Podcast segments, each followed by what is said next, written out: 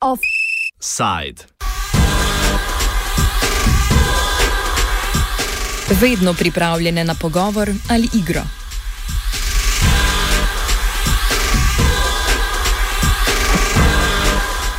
V luči tehnološkega napredka si poleg že mainstream robotov v podobi računalnikov in pametnih telefonov svoje mesto v družbi ustrajno iščejo tudi humanoidni roboti, katerih zunani izgled si njihovi zaenkrat če človeški uporabniki oblikujejo po svojih željah.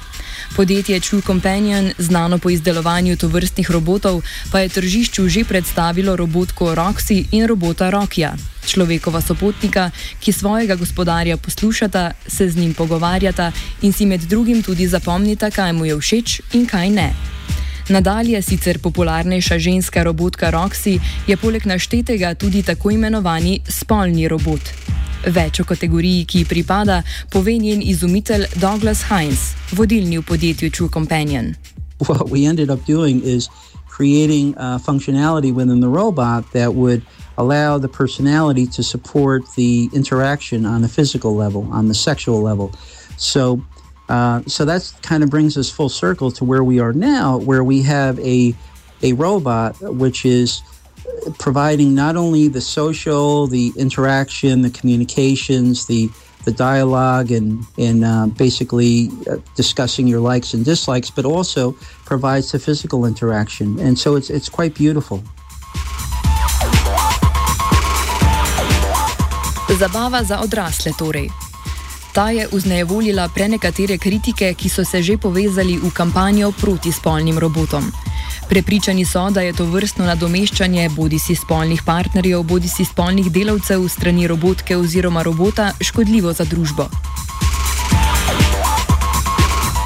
Pobudnica omenjene kampanje proti tako imenovanim robotom za spolnost, Kathleen Richardson, se pri svoji kritiki opira predvsem na predpostavko, da tehnologija ni neutralna, ampak njen razvoj in uporaba odsevata razmerja v družbi. Več Richardson.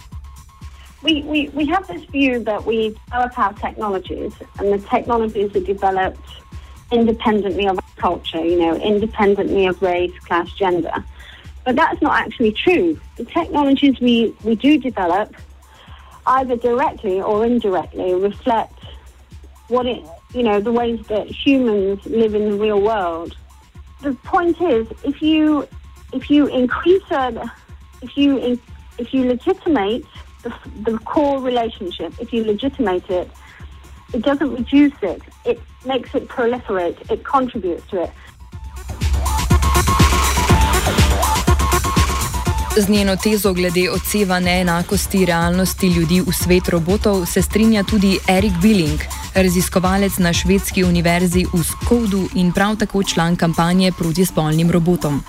Predvsem se mu zdi pomemben aspekt odnosov med moškimi in ženskami in znotraj teh predvideva pasivnost žensk.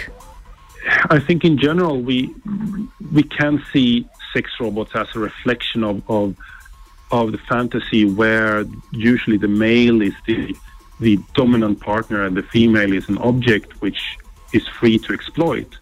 We um, uh, start to have these kind of sex toys around, like sex robots, to, to even a larger degree than we have today.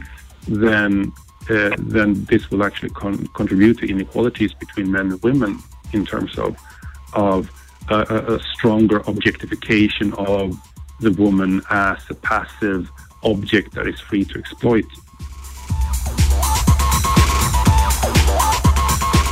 Nekatere že obstoječe nastavitve pri robotih, med katere sodi tudi to, kako zelo je uporabnik robotu všeč oziroma se ta strinja z njim, dejansko dajo možnost popolnega oblikovanja odnosa, na nek način tudi stopnjo prisile oziroma konsenza. Podporniki kampanje pravijo, da odnosi med ljudmi, predvsem moškimi in ženskimi lutkami, najbolj spominjajo na prostitucijo ter predpostavke znotraj nje, torej večjo moč stranke in manjšo moč ženske, ki nima možnosti ugovora. Več o tem Richardson. The more and more I looked into it, the more I realized that the model, the inspiration for the sex robot came out of uh, prostitution. It came out of the relationship between the buyer of sex and the seller of sex. And in the prostitution John encounter, what happens is the buyer of sex has needs and wants and, and desires and resources. And basically, they can have their needs and desires and wants met regardless of the seller and sex needs and wants. V nasprotju z Richardson pa je Heinz prepričan, da prav spolne usluge robotov predstavljajo alternativo spolnemu delu oziroma prostituciji.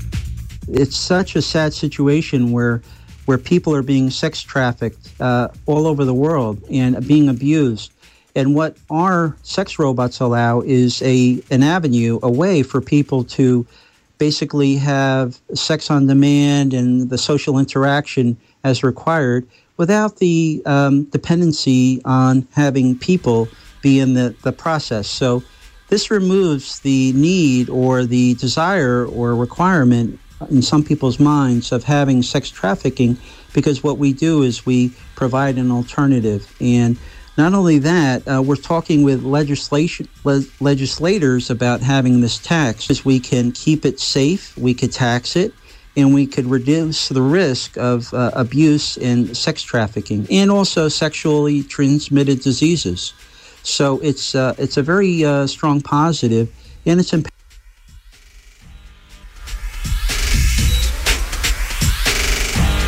Težko pa zares sodimo, do kakšne mere lahko prenos teh odnosov med ljudmi na odnose med ljudmi in roboti vpliva na večjo razširjenost neenakosti oziroma utrjevanje razmeri moči v družbi.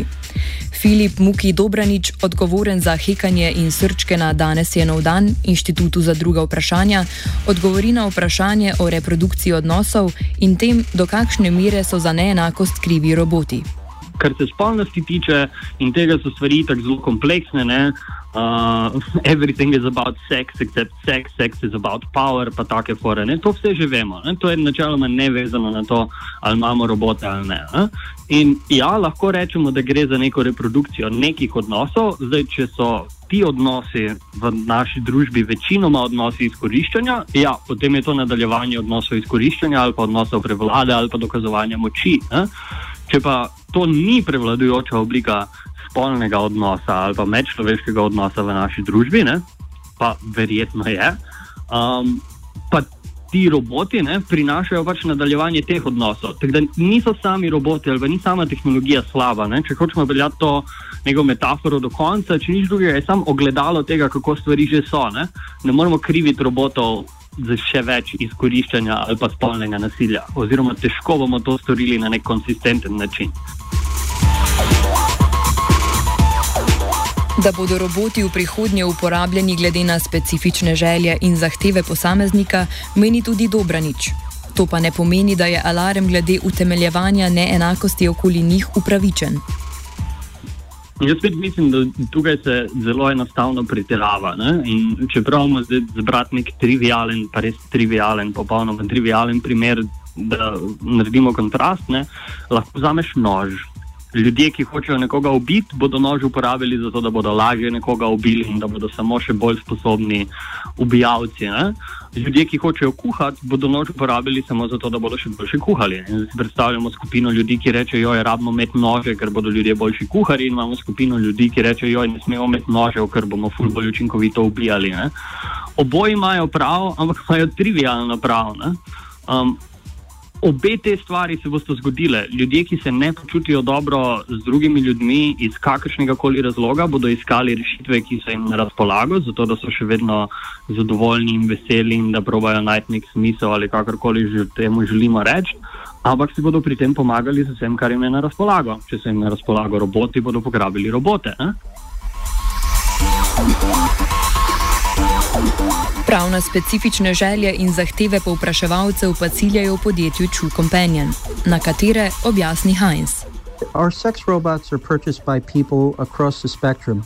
There's no, you know, um, typical. Um, um, there is there is a common theme um, which relates to someone that might be in between relationships, looking for maybe um, someone to spend time with, and so our sex robots provide that that physical interaction and also the social interaction.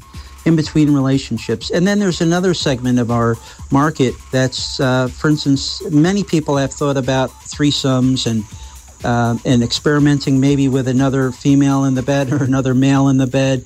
And so, um, to to avoid catching uh, sexual diseases and social stigma, to get around all of that, uh, what we do is we allow our sex robots to provide that need for people.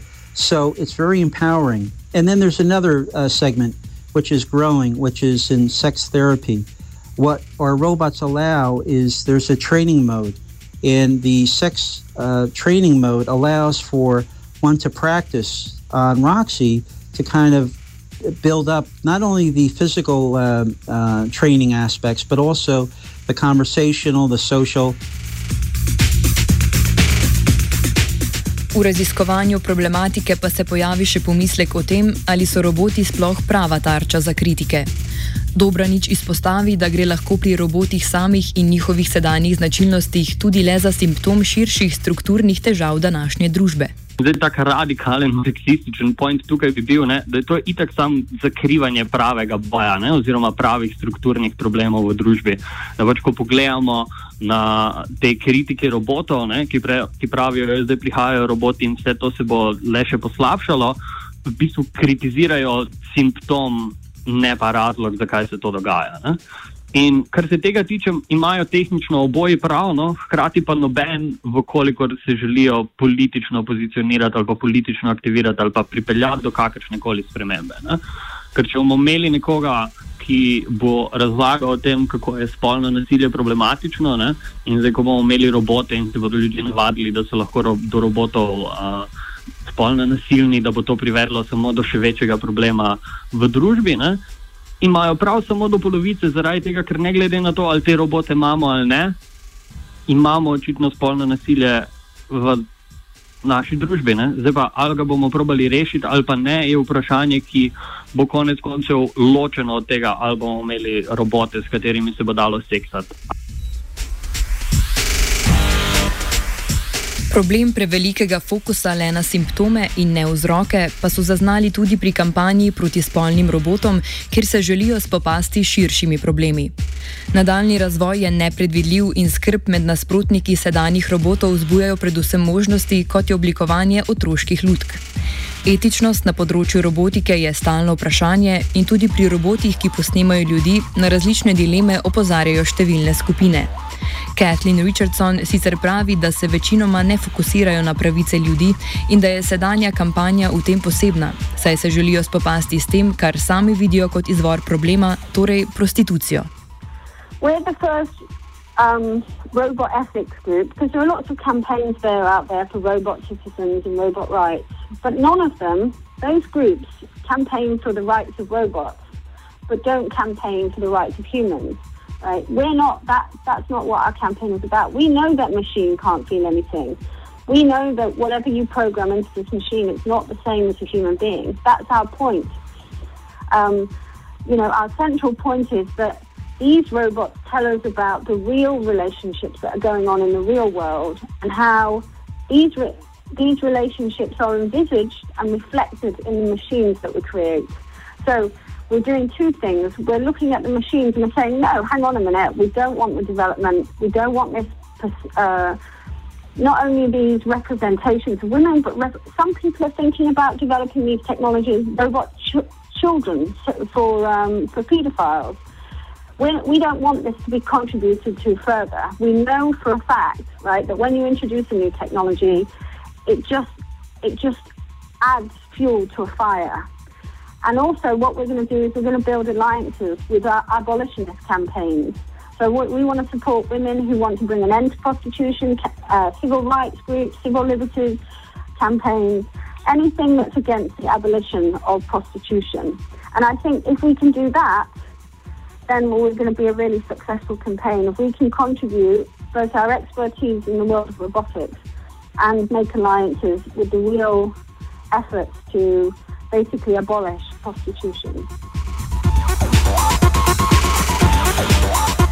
Nekateri raziskovalci na področju razvoja tehnologij celo trdijo, da obstaja možnost, da zaradi napredka v robotiki pride do konca prostitucije, saj bo ta lahko popolnoma nadomeščena s polnostjo z roboti.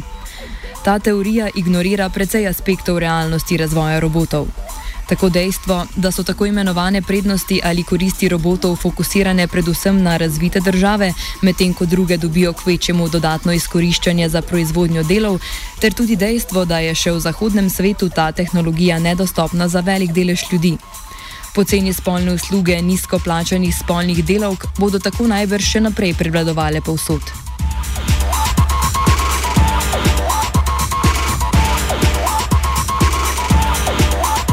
A izumitelj in absoluten podpornik nadaljevanja procesa se s temi pomisleki ne ukvarja preveč poglobljeno. Priložnosti ne vidi le v spolnih robotih, kjer je že vodilen, ampak tudi v splošnem razvoju robotskih oziroma robotskih prijateljev. Prisluhnimo kratkemu razmisleku o prihodnosti, ki bo po besedah Heinza zagotovo pestra. Oh, it's very exciting and it's uh, the, the sky's the limit because one of the things that we're realizing is that through the years we've gathered so much information and so uh, so much feedback on what people want in the robots, and um, obviously the the uh, the most you know the initial thing that people think of is the sexual, the physical attractiveness of, of the robots, but it goes beyond that. It's the the most important is the the social interaction, the personalities of capturing one's personality and um, and basically being one's confidant. Kaj si bodo roboti mislili o svojih začetkih, če kdaj pridemo do točke, ko bodo razvili zavest? I mean, think about it. You know, if robots did become conscious in 50 years' time and they look back at their origin, they're either going to be war machines or sex robots. I mean, it's not a very good start, is it?